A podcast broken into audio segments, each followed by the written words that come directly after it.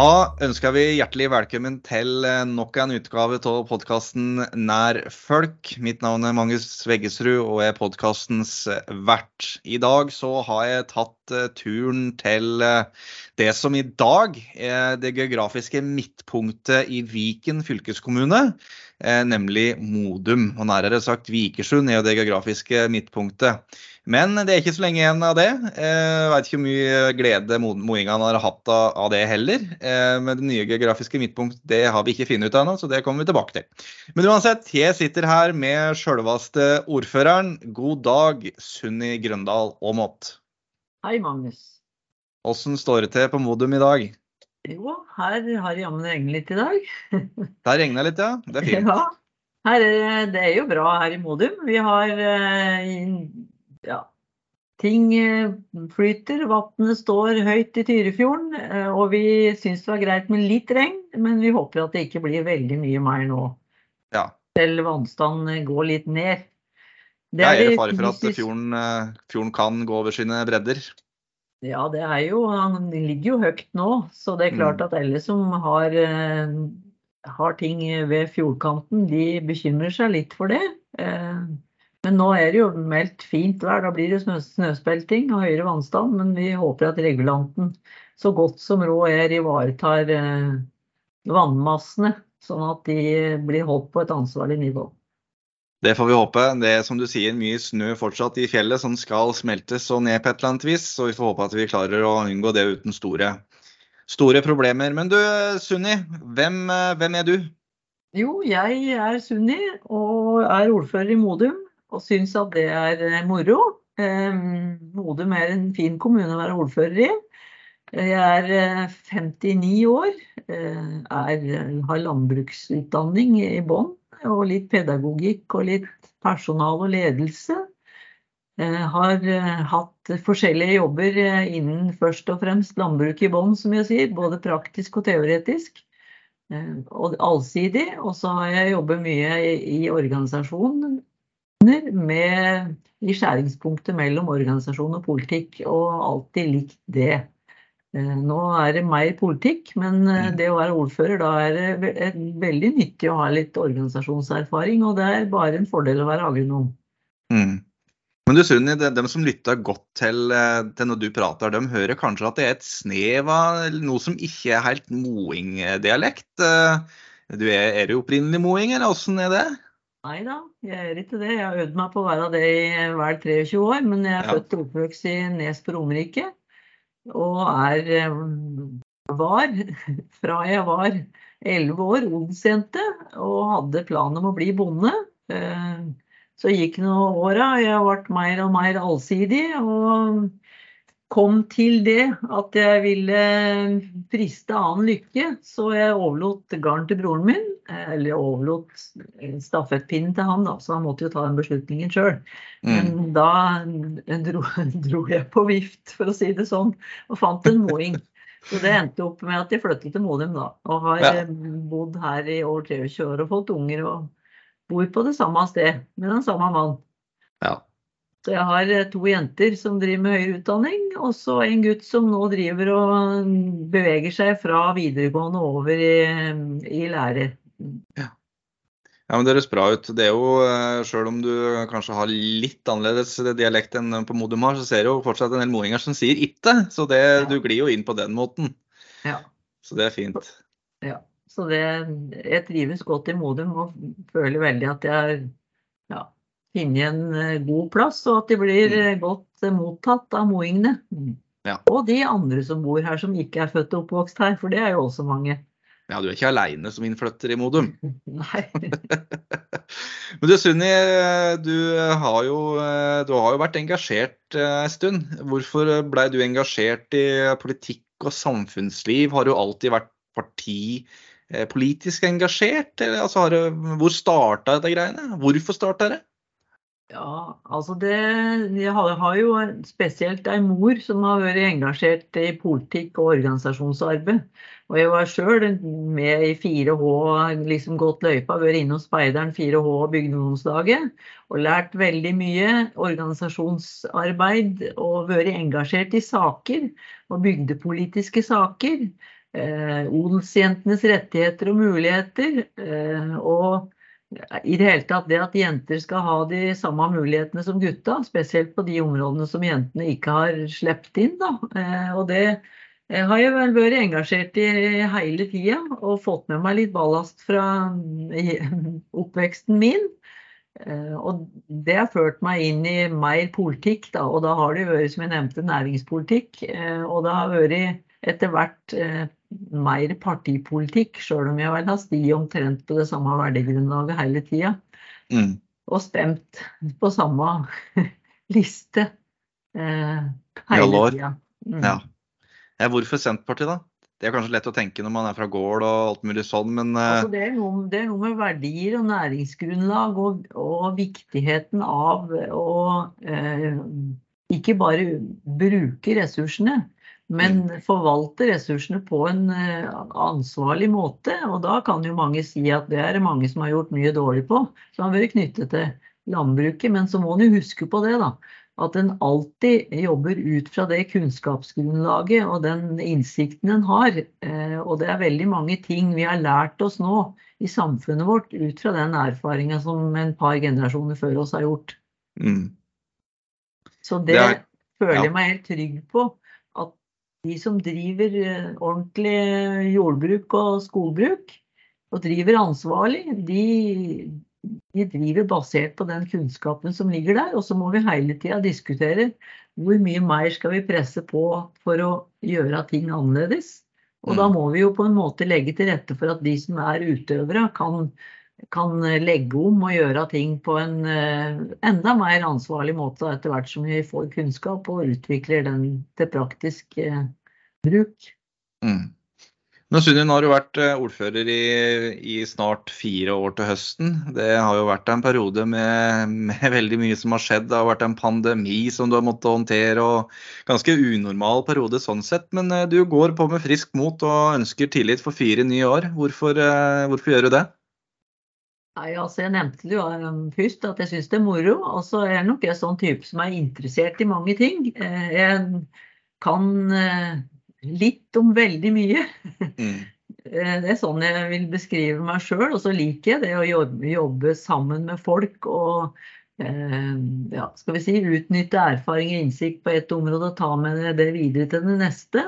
Eh, og det å få folk til å jobbe sammen eh, er ting som jeg ja, tror at det er noen av mine styrker. Da. Eh, mm. Ja. Og så tenker jeg at de erfaringene, den innsikten jeg har fått sammen med de som er på laget, eh, og alle sammen da egentlig, og administrasjon, og blitt godt kjent i administrasjonen med kommunen og alt som fins i Modum. Eh, og med politikere, ikke minst, i løpet av disse fire åra. For jeg kom jo litt sånn rett inn fra gata. Mm. Ja, For du har ikke sittet i kommunestyret før? Jeg har så vidt vært innom en gang før, men da måtte jeg kaste inn håndkle pga. totalpakke med små unger og helsesituasjonen ja. til mannen min osv. Mm. Men så, så har du jo vært tett, du har vært tett på mange folkevalgte gjennom eh, jobben din de siste åra. Du har jo vært fylkessekretær i Buskerud Senterparti, så du kjenner jo godt til eh, kommunal sektor og, og hvordan det politiske virket fungerer sånn sett. Ja, så det gjør jo at det var lettere. Og jeg har et stort nettverk både gjennom de organisasjonene som jeg nevnte, og ikke minst gjennom Senterpartiet, da selvfølgelig, fordi jeg har både jobba sentralt for mm. lenger for tid tilbake, og, og i Buskerud nå de siste åra, eh, før jeg ble ordfører. Og så jobber jeg i Nei til EU en del år eh, sentralt, og det lærte meg også masse i forhold til det å jobbe sammen når du har et felles mål. Da kan du jobbe sammen med folk som du kan ha litt ulike meninger om en del andre ting. Og mm. det er nyttig erfaring som jeg har brukt eh, videre etter eh, etter EU-kampen, da, kan man si. Du snakka veldig mye om det å jobbe, jobbe, sammen med andre, det å være en del av et lag. Og du stiller jo heller ikke til valg alene. Eh, du har jo en eh, god liste bak deg. Kan du ja. si litt om den flokken som, eh, som, du har med på lista? Det er vel en gjeng med både erfarne og yngre og eldre og hele pakka? Ja, det er det. Det er både noen som kom inn sammen med meg for fire år siden, nye.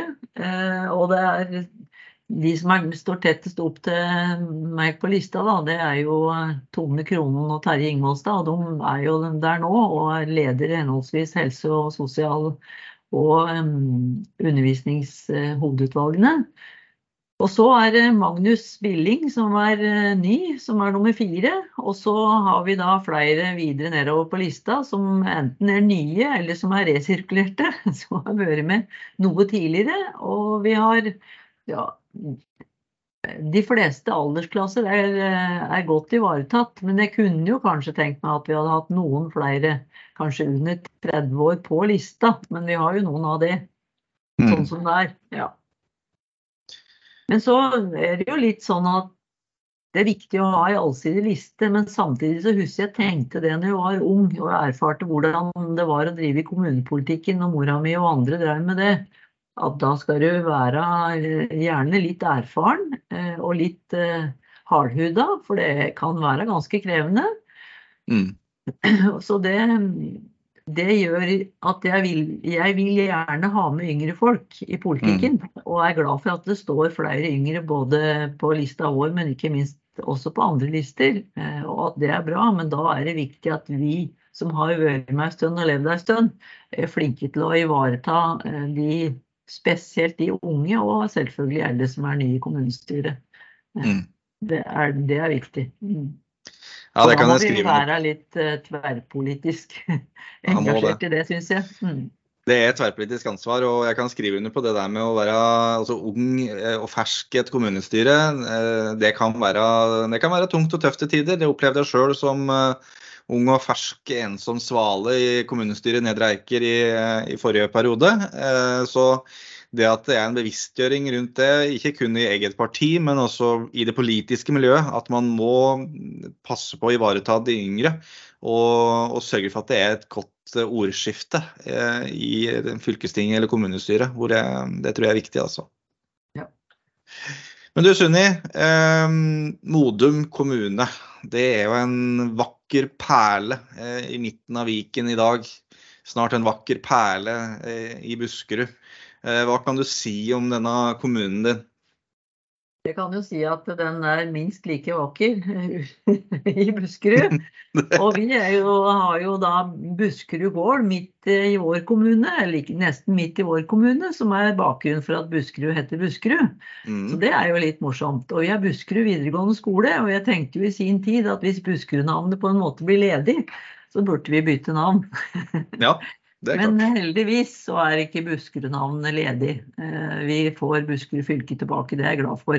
Og vi har Buskerud videregående skole i vår kommune, det er jeg òg glad for. Men det som jo er kanskje det mest sånn ja, å skjelte med som står høyt på lista eh, når vi skal regne i forhold til internasjonale interesser, så er jo det verdens største hoppbakke, Vikersund skiflygningsbakke. Den ligger jo i Modum. Mm. Og vi har flere sånne spesielle ting. Hvis vi skal ramse litt opp på det, så er det jo femte største innsjøen ligger eh, delvis i Modum. Eh, og den er nest dypest. Og da er det jo Mjøsa som, eh, som scorer høyest der. Og så er Norges lengste museumsjernbane. Den, en stor del av den er i Modum. Og så har vi Blåfarverket, som jo er en veldig viktig del av kommunens Altså det som er grunnlaget for Modum, det var temmer. Og så var det gruvedrift og produksjon eller utvinning av kobolt, eh, som var fryktelig mange mennesker ansatt. Og det har vært virksomhet der i flere hundre år. Så I tillegg til temmerdrift og temmertransport på vannveiene ut fra kommunen, og som grunnlag for å bygge Krøderbanen, som også var temmeret, så eh, er Blåfarverket viktig. Og i dag er jo det en kjempestor og godt kjent eh, reiselivsaktør. Mm. Eh, og et hyggelig møtepunkt for moingene, og et sted å ta med gjester. Som nå er i ferd med, og det har jo vi, støtter jo vi fra kommunen, å søke om å få en plass på UNESCO, bli en UNESCO-registrert Virksomhet. Verdensarvliste, eller eh, ja, virksomhet. Ja. ja. Mm. Spennende. Det er veldig, veldig morsomt. Ellers så er det 14 500 og noen innbyggere. Eh, og vi har en, ja, en forsiktig innbyggervekst. Den har jo gått litt mer enn litt opp de siste par året, Og det handler jo Det har vært en forsiktig økning lenge, men nå har det kommet såpass mange flyktninger nå i de siste par åra som har gjort at innbyggertallet har gått ytterligere oppover. Mm. Det er jo positivt. Det er jo lettere å forholde seg til en forsiktig innbyggervekst enn en sånn kjempestor en, med tanke på å greie å videreutvikle tjenest, kommunens tjenester til innbyggere. Men den, den, veksten som de har hatt i Modum da, Sunni, den, er den fordelt internt i kommunen? De har jo ulike tettsteder og både grender og, og sånn. Ja. Er det jevnt fordelt, eller er det Vikersund og Åmot og Geithus som stikker av med det meste? Det er jo det. Mm.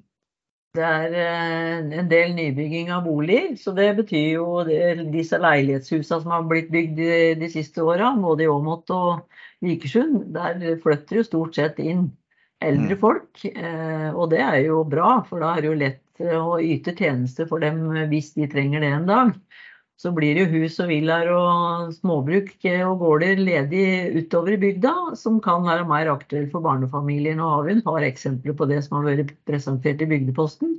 Barnefamilier som flytter til Modum, og som har lyst på litt plass og kanskje har litt dyr som de trenger litt plass til osv. Mm. Men jeg er jo litt bekymra for det i stort, da. Eh, vi har jo både riksvei og jernbanelinje gjennom kommunen, og der går jo bussen parallelt med den eh, jernbanelinja som det går mest gods på. Eh, og det er jo der kollektivknutepunktene er. Det er der vi blir oppfordret til å bygge langs. Mm. Eh, og jeg er jo opptatt av at det skal vi gjøre, og vi skal legge til rette for at folk kan greie seg, mm, kanskje familien med én bil eller uten bil, med sykkel mm. og buss eller tog. Men jeg er jo også opptatt av at vi skal drive et aktivt jordvern, og det handler både om å ikke bygge ned jorda, og det handler også om å legge til rette for at det er aktuelt å bo der og drive jorda. Det er jo også en del av jordvernet som er viktig. Ei grend som det ikke bor noen i, da er det ikke veldig fristende å flytte tilbake dit med barn og familie og tenke at eh, nå skal vi bo her og drive denne jorda, eh, og så er det ingen andre som bor der. Så eh, no, litt sånn god planlegging håper jeg vi kan få til med arealplanen som vi skal i gang med. Mm. Der vi legger opp til litt spredt boligbygging, men ikke sånn ett hus her og der, men litt boligbygging i, i klynger. For mm. å kunne ivareta litt mer eh, transportløsninger og annen infrastruktur, som vann og kloakk og alt du trenger av nett og digitale tilganger, eh, at det mm. blir eh, Prisen per husstand blir litt lavere, da. En, mm. Og en får bedre kloakkløsninger. Det har vi fått bekrefta de som fagfolka på det. Ja. Så eh, spredt boligbygging i klynge, og det er vi for.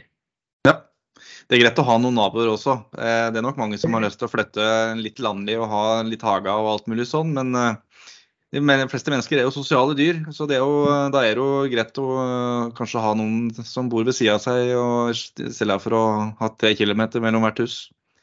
Så det er spennende.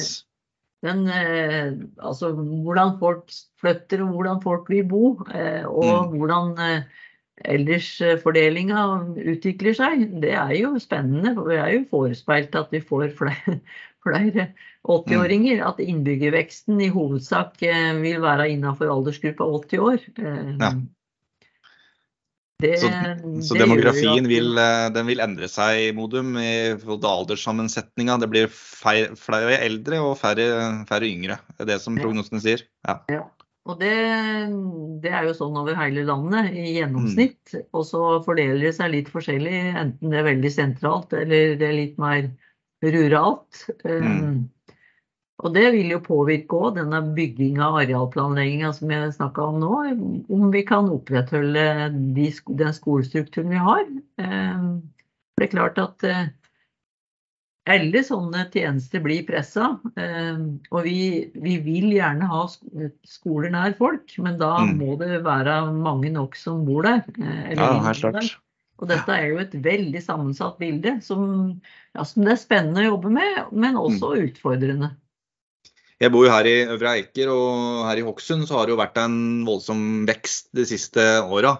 Og det har jo hovedsakelig vært eh, med barnefamilier og yngre mennesker som har eh, gitt et stort press på skolene. Så jeg tenker jo da at hvis eh, nå den veksten kanskje kunne blitt kanalisert enda litt lenger opp, da, mot Modum, så hadde jo det kunnet hjelpe på stekka nå, istedenfor at man får alt presset her i Drammen, nei, i, Hokksund. Så det, det, det, begynner jo å bli fullt der òg, så det vil jo kanskje tippe at det etter hvert vil begynne å bevege på seg. Og det er jo ikke langt heller opp til, opp til Modum, de ulike delene.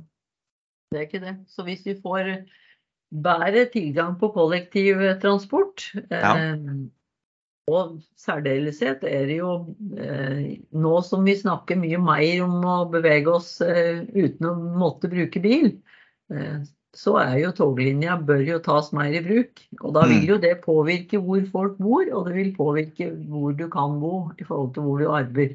Ja.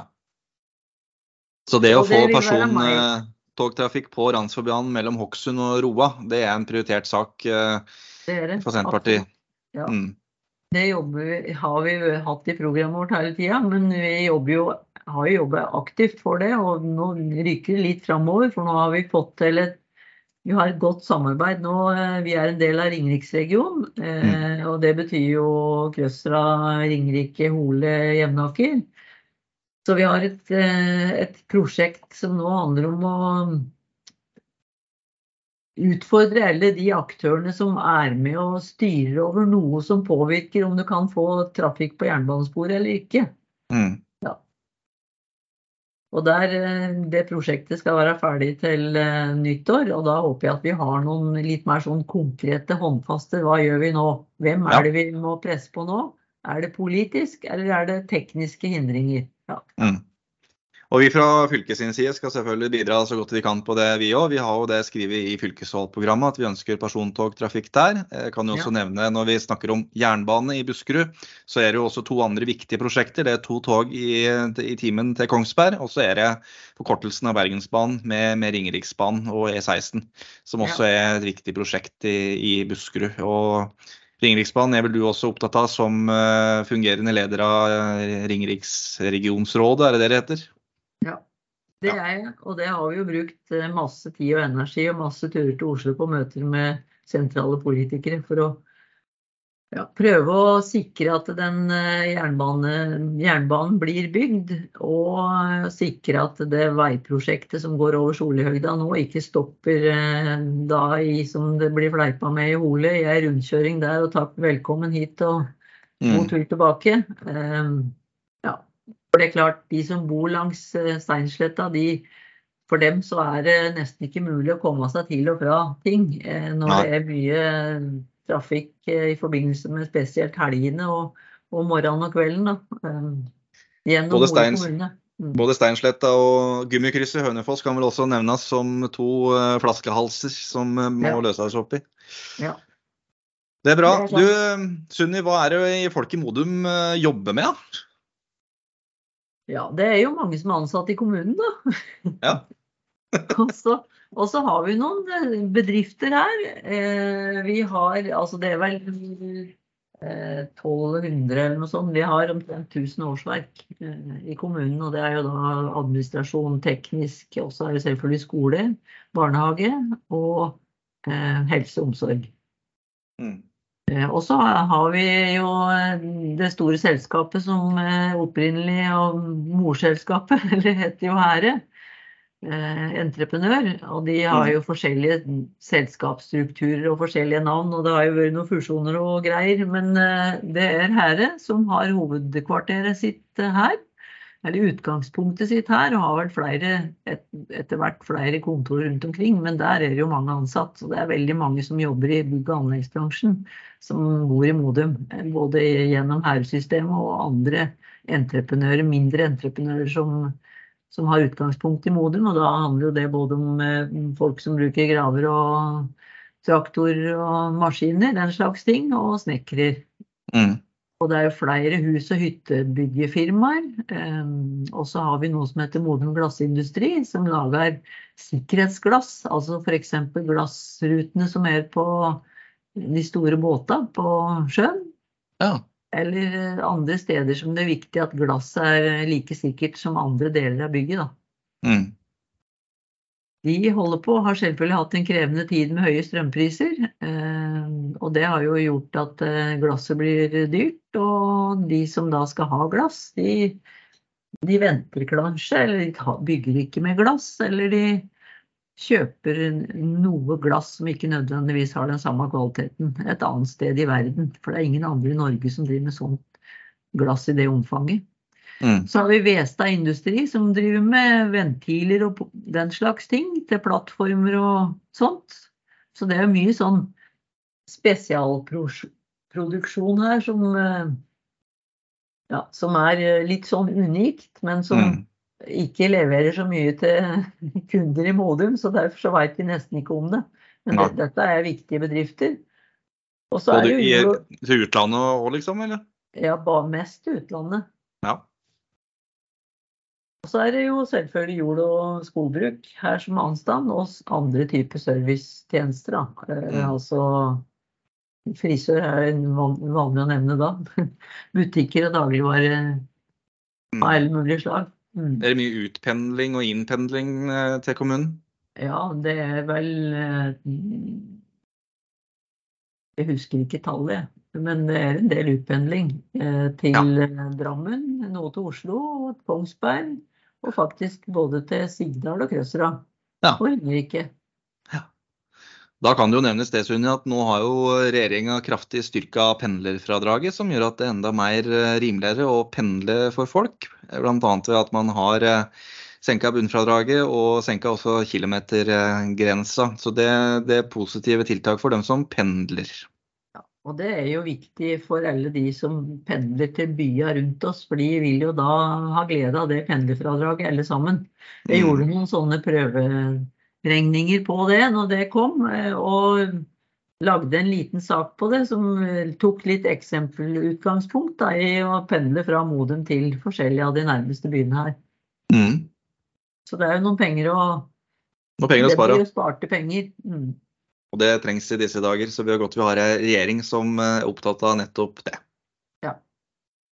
Du eh, Sunni, eh, Modum kommune, nå har du snakka mye om eh, rett og slett fakta og alt mulig sånn, men altså, hvis du skal skue litt eh, inn i glasskula, hva er de største utfordringene for Modum i åra som, eh, som kommer? Eh, hvis du skal peke på noe. Ja, altså det er eh, helsepersonell. Det er det som føles akkurat nå. Eh, Mm. Tilgang på helsepersonell. Og da er det alt fra helsefagarbeidere og til leger, da. eh, Som jo vi har i kommunen vår. Så det vi har jobba litt med, det er jo å prøve å rydde, sånn at de helsefagar- fag, helsepersonellet vårt får lov til å drive med helsefaglig arbeid. At de ikke behøver å gjøre så mye annet arbeid som er knytta opp mot eh, de helsefaglige tjenestene. Og det handler jo, så vi har jo starta på en eh, kanskje kalle det en ryddejobb. Og det handler jo ikke om at de før oss har gjort en dårlig jobb nødvendigvis, men det handler jo litt om at nå er situasjonen annerledes. Det blir flere som forventning om at flere trenger tjeneste. eh, Og tilgangen på helsepersonell er begrensa. Mm. Så da er det jo både å beholde folk, og så er det å prøve å trekke til seg nye, og så er det å prøve å rydde sånn at de som er der får jobba best mulig og har det best mulig på jobb. Og det er krevende. Eh, Vi har eh, et eh, tverrfaglig utvalg som har jobba med, med situasjonsforståelse og eh, forslag til tiltak.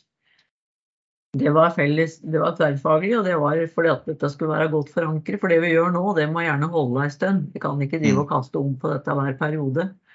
Eh, Så da det blitt, eh, blir det nå jobba med skal vi si, rydding. Vi reduserer antallet eh, steder som vi har tjenester, og flytta tjenester sammen. Og prøve å effektivisere, da. Ved at en ikke behøver å ha bruke steder som du må ha ekstra mange nattevakter fordi at det er dårlige rømnings... Eller krevende rømningsveier, da. Mm. Og så er det eh, å rydde på oppgavefordeling, sånn at ikke, helsepersonell ikke behøver å drive med eller masse ting som du ikke behøver ha helseutdanning for å gjøre. Mm. Og det er jo noen ting du kanskje må gjøre hvis du er et sted og skal hjelpe til med et plaster, så smører du kanskje ei brødskive samtidig. Eh, men at du ikke behøver å drive med ja, rødde trapper for snø for å komme inn. Og ja. vaske biler fordi at de skal være i orden til neste tur. Altså det her, det her har blitt jobba godt nå med å lage lister over hva er det som andre kan gjøre. Og så gjelder det nå å finne ut hvordan vi får det til. Så dette blir det jobba veldig godt med i Modum nå. Det høres bra ut. Det er sikkert mange andre kommuner som også er interessert i de tiltakene og lærdommene som som de gjør kan, Sunne. For dette er vel en utfordring kun, ikke kun i Modum, dette her med å rekruttere fag, personell til helsefagene. Ja, så jeg er veldig glad for at de har gjort den, store, den store utredningen og lagd den rapporten på helsepersonell. Eh, ja. Det er jeg glad for, for den, den, støtter på en måte mye av det å bruke helsepersonell på en fornuftig måte. Mm. Eh, ja. Og så, Det er jo andre ting, og det er jo gamle kloakk- og vannledningsrør. Og hvis vi ikke får opp litt farten på å skifte ut det, så går det 100 år før vi har kommet gjennom de røra som allerede er 100 år. Mm. Det må vi gjøre noe med. Mm. Det, men det er klart at dette er jo type kostnader som, som går rett tilbake til innbyggere. Mm. Så dette er en krevende balansegang og ikke skru opp for fort, men, men, prøve å jobbe litt fortere og mer effektivt, som gjør at vi får skifta ut fort nok. Da. Mm. Og så er det jo demografiutviklinga som jeg nevnte i stad. Det påvirker jo behovet for barnehage og skoleplasser. Ehm, det er jo ikke så mange år siden det var krise fordi at en ikke hadde nok barnehageplasser. Det har vi jo nå eh, i godt monn. Så det er veldig bra at vi har. Mm. Ehm, men eh, framover så er jo forventningen, hvis ikke det kommer mange flere barnefamilier hit, så blir det romslig i barnehagene og romslig på barneskolene. Det der var en, Jeg hadde jo en prat med Simon Noranger i Drammen her i forrige episode av podkasten. Og nettopp den tematikken med at det blir noe færre barn og yngre mennesker eh, til å fylle barnehagene og skolene, det er en problematikk som også man finner i Drammen. Så det, du er heller ikke aleine der eh, i Modum. Men uh, Sunni, um, nå har jo eh, Senterpartiet sittet i, og vært en del av det styrende flertallet i fire år. De har jo samarbeida tidligere også og vært en del av maktflertallet. Men hvis du skal konsentrere deg om de siste fire åra, som du har vært uh, ordfører og en del av et politisk flertall i Modum, hva, er, hva er, du mest stolt av, hvis du skal trekke fram noen saker av at de har fått til?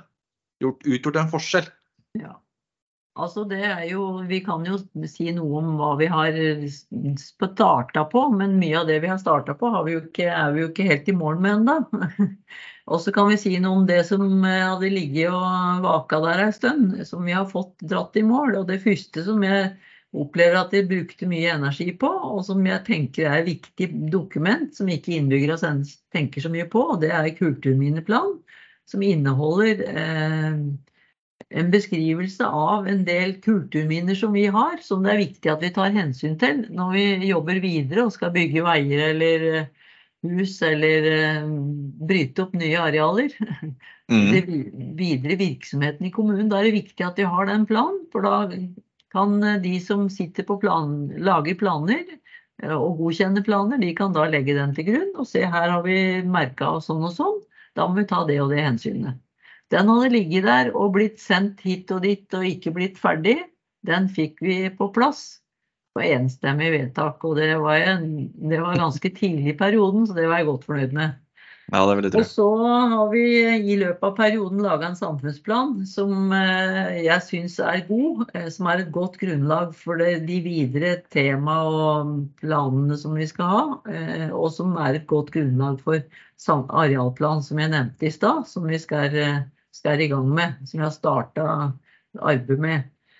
Eh, og så har jeg lyst til å si en ting til. Jeg syns faktisk at vi har løst koronakrisa, hvis vi skal bruke det uttrykket. Den situasjonen vi har stått i. Jeg syns vi har løst den på en god måte. Og tjenesten i Modum jobba godt, og folk snudde seg om. Jeg opplever at den eh, har vi løst og ledig på en god måte. Ja. Så er det jo noen som eh, stiller spørsmål i etterkant, i etterpåklokskapens lys, om ting kunne vært gjort annerledes. Men da, det kan godt hende, eh, og det er jo viktig å evaluere det. Men da tenker vi mer på i stort om, om Norge valgte en riktig strategi osv. Og det, den diskusjonen kan vi gjerne delta på, men ut fra hva som var føringene, så Mm. syns jeg at vi løste det på en god måte. Og det var ikke, det var ikke noe kriser i, i kommunen vår. Det var selvfølgelig noen som døde som, som eh, korona der. Det var en del av bildet. Men eh, Mm. det var ikke noe det var ikke Nei. noen massesaker. Nei. Nei, men det som du sier, Sunni, politikk det tar uh, tid. Uh, og de har jo fått begynt å få gjennomført en del disse siste fire åra, men uh, har jo selvfølgelig et ønske om da å fortsette å styre til høsten. Og da har de vel laga et politisk eh, program som de går til valg på, som innbyggerne skal gi tillit, eller ikke. Eh, kan du fortelle litt om eh, hva slags ambisjoner og politiske grep de ønsker å gjøre for Modum framover? Du har sikkert vært inne på noen av dem allerede. Men hvis det er noe mer som du kanskje ikke har, føler at du ikke har fått fram, så kan du gjerne si litt om det. Ja, altså, jeg, var i, gang- med litt sånn hva vi har fått til, og jeg opplever jo at vi er i ferd med å få til Familiens hus. eh, Og det syns jeg er kjempeviktig. eh, For da skal vi i Familiens hus, den organisasjonen, har satt i gang og utvikle det som skal være inni et felles hus. Um, og så jobber vi nå for å få på plass en, en fysisk bygning som Familiens hus kan være inni. Og det er jo helsestasjon og barnevern og PPT og andre tjenester som er til for barna og for familiene. Eh, Det er jeg glad for at vi nå har kommet så langt at vi har vedtatt at vi skal ha det. Og nå har vi vedtatt å legge ut på anbud, eh, sånn at vi får et bygg til det. Det har vi også i programmet vårt, at vi skal fullføre det. Ellers så har vi jo noen infrastrukturpunkter. Nå har vi i løpet av perioden eh, nesten blitt ferdig med fiber eh, til eh, ja, noe 95% av innbyggere, eller altså en, det som var ambisjonen i utgangspunktet. Nå er det ikke på plass i husveggen eller stand, men det vil det Mm. så vidt jeg har blitt lova i løpet av dette året her. Og det er en ambisjon som har vært der, og som fylkeskommunen har bidratt til at har latt seg gjøre. Eh, Mm. Sammen med kommunen, og det er jeg kjempeglad for. For det er viktig for folk. Og det erfarte jo gjennom koronaen hvor viktig det da var at vi hadde digital tilgang tilstrekkelig til at vi kunne ha hjemmekontor og hjemmestudier. Så det, det er bra. Fiber i, alle, fiber i alle hus. Ja. Og så um, nevnte jeg arealplanen i stad. Den eh, har jeg store tanker eh, om. At vi skal eh, ha laga en god arealplan bas, med basis i de, den samfunnsplanen som vi har lagt.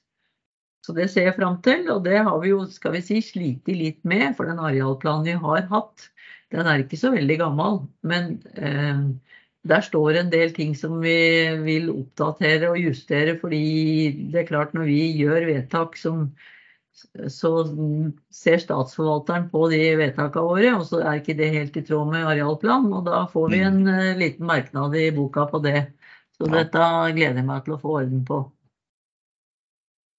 Ellers så er det en eh, annen infrastruktur, så er det trafikksikkerhet. Mer trafikksikkerhet, og et av de viktigste punktene der, det er det, krysset som nå heter Vikersund Nord og Hatlekrysset.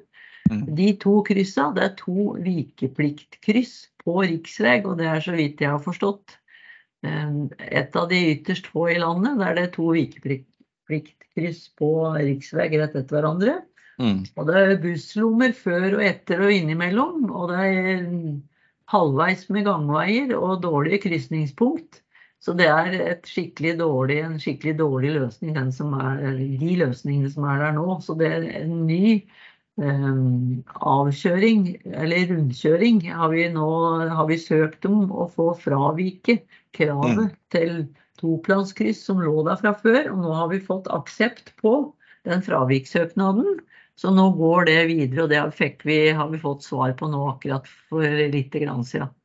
Så jeg håper at vi skal få på plass et nytt eh, en ny kryssløsning eller en ny rundkjøring da, som erstatter de to kryssa. Og mye tryggere for fotgjengere og syklister og ja, Mm. de som skal bruke buss osv. Og så er det Randfjordbanen, da. Som Mm. har stått i programmet, og i x antall programmer før. Men som eh, tenker at nå er, er det mer trøkk på å utnytte den infrastrukturen som er. Og det er mer trøkk på eh, å reise miljøvennlig. Eh, Så vi har eh, et prosjekt der sammen med de andre kommunene langs med Randsfjordbanen. Altså fra Hokksund eh, opp til Hønefoss og fra Hønefoss til Roa. Det kan jo også ses på som en ring, som er, Mm. så det er mulig å reise på tvers og ikke bare ut og inn av Oslo. Jeg har et prosjekt nå som vi skal eh, finne ut av. Eh, Er det politiske hindringer eller er det andre tekniske hindringer for, for å få trafikk på banen? Hva er det som må til? Hva er det vi kan gjøre, og hva er det vi må sørge for at andre gjør? Så det skal vi få svar på nå fram mot jul. Eh, Så jeg håper at det bringer oss et skritt nærmere mer lokaltrafikk på Randsfjordbanen. Og du nevnte i stad tog mellom eh, Kongsberg og Drammen. Mm. Eh, Og det, hvis det blir to tog i timen der, så, så er det enda større grunn for å få togtrafikk her. For da er det Absolutt. grunn til å komme seg på toget til Hokksund og videre til Oslo, eller eller Kongsberg. Og parkeringsplassen i Hokksund den er full den òg, så det er bare å få litt parkering på Åmot og i Vikersund. Det hadde vært eh, perfekt. Ja. Men du, eh, men du Sunni, når du er inne på dette her med samferdsel, så vet du at de i, eh, i Modum har jo jobba, jobba litt annerledes når det kommer til politisk påvirkning og organisering av det politiske arbeidet. Eh, som du som ordfører har vært litt arkitekten bak. Kan du si litt om, eh, si litt om nettopp det? Da tenker du på hovedutvalg for samferdsel og næring. Det tenker jeg på da. Ja. For vi, når vi kom til makta, for å bruke det uttrykket, sammen med Kristelig Folkeparti hadde vi en avtale med på forhånd. Og så hadde vi forhandlinger med alle de andre partiene. Eh, og kom til at vi trodde vi ville nå flest mål av de måla som sto på Senterpartiet sitt program, gjennom å samarbeide med Fremskrittspartiet, Høyre og Venstre, i tillegg til KrF. da. Mm. Og da, eh, for å så var det jo, eh, når vi ble konstituert, så var det noen eh, endringer som trådte i kraft eh, i oppdatert kommunelov, som gjorde at den organiseringa som var her fra før, den måtte gjøres noe med, bl.a. på det med samferdsel. Så da etablerte vi et hovedutvalg for samferdsel og næring, i tillegg til de andre som da var her fra før. Som jo er det klassiske med helse, omsorg, undervisning, teknisk og kultur. Da, for å Mm. Og så eh, Kulturutvalget, der hadde vi med oss et eh, ja, skal vi kalle det et kjernebegrep, eh, livsglede. Så det er hovedutvalg for kultur, idrett og livsglede. Så var det det hovedutvalg for samferdsel og næring. Og det er litt viktig, for det er, det er et utvalg bestående av kun fem personer, så det er liksom litt sånn skal vi si, kompetent og kompakt. Mm. Og lederen for samferdsel og næring, det er eh, Ole Johan Sandmann. Og han eh, har jobba som direktør på Modum Bad og er en veldig løsnings... eh, Utålmodig, løsningsorientert fyr. Så det har vært et, et, en god, god ting å ha. Mm.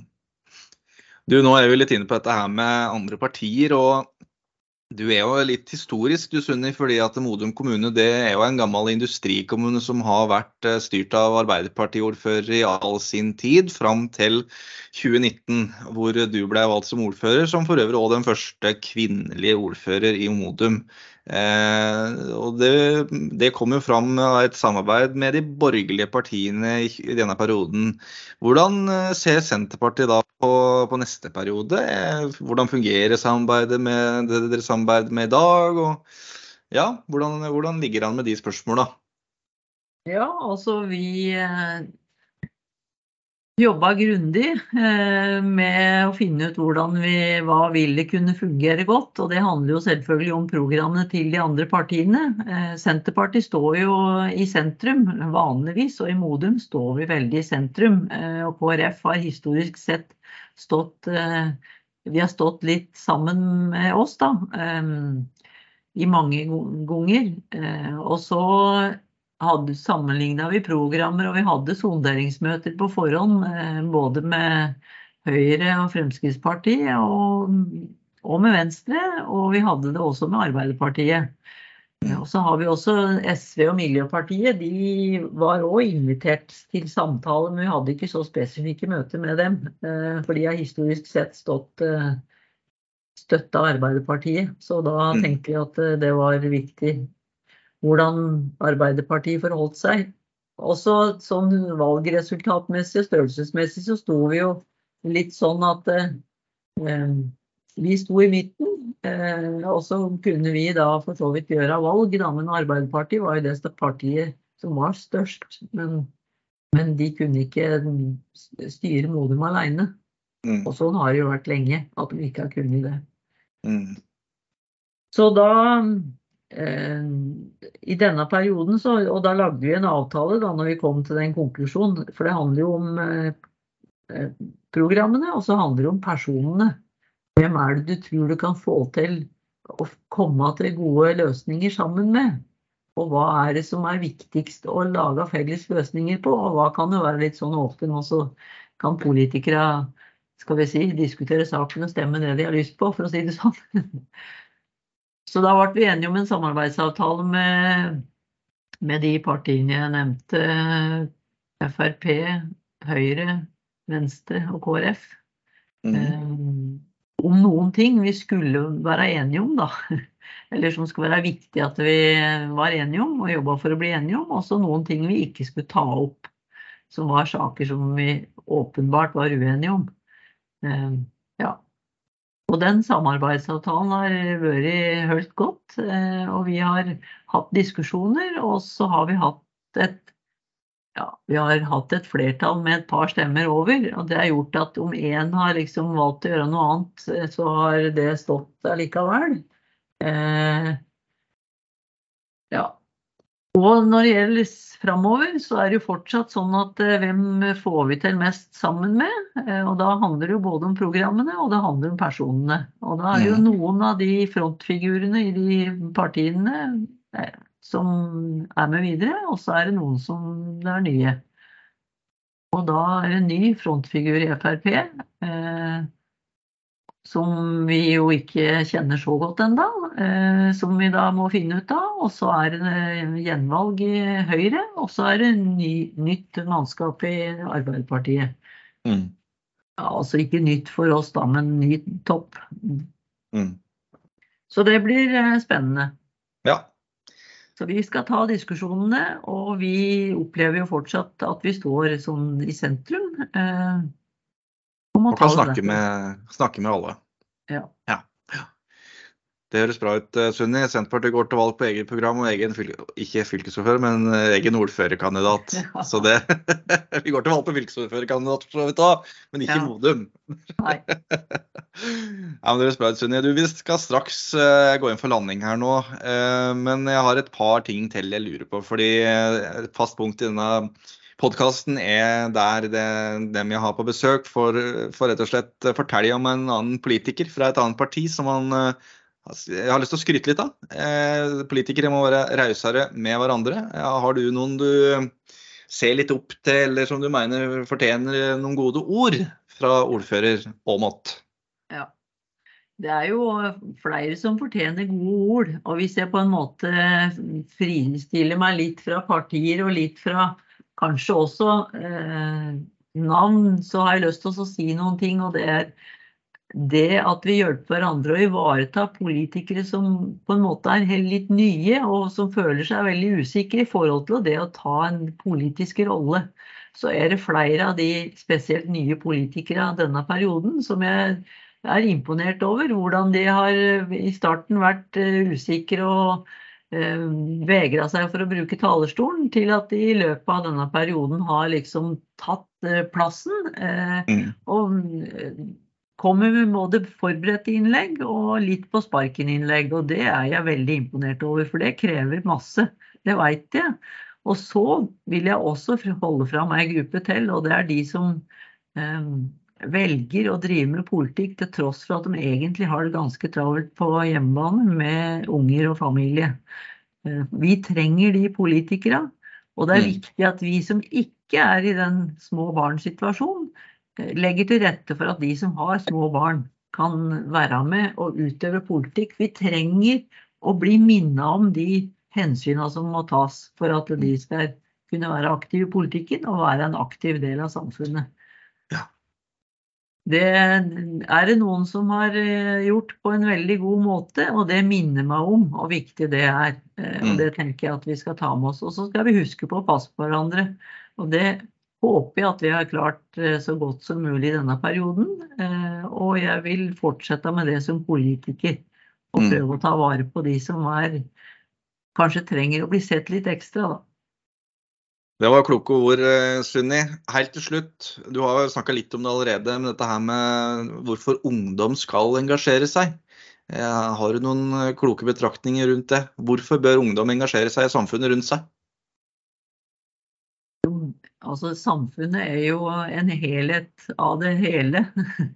Og, og det er jo de som engasjerer seg, som er med på å påvirke samfunnet.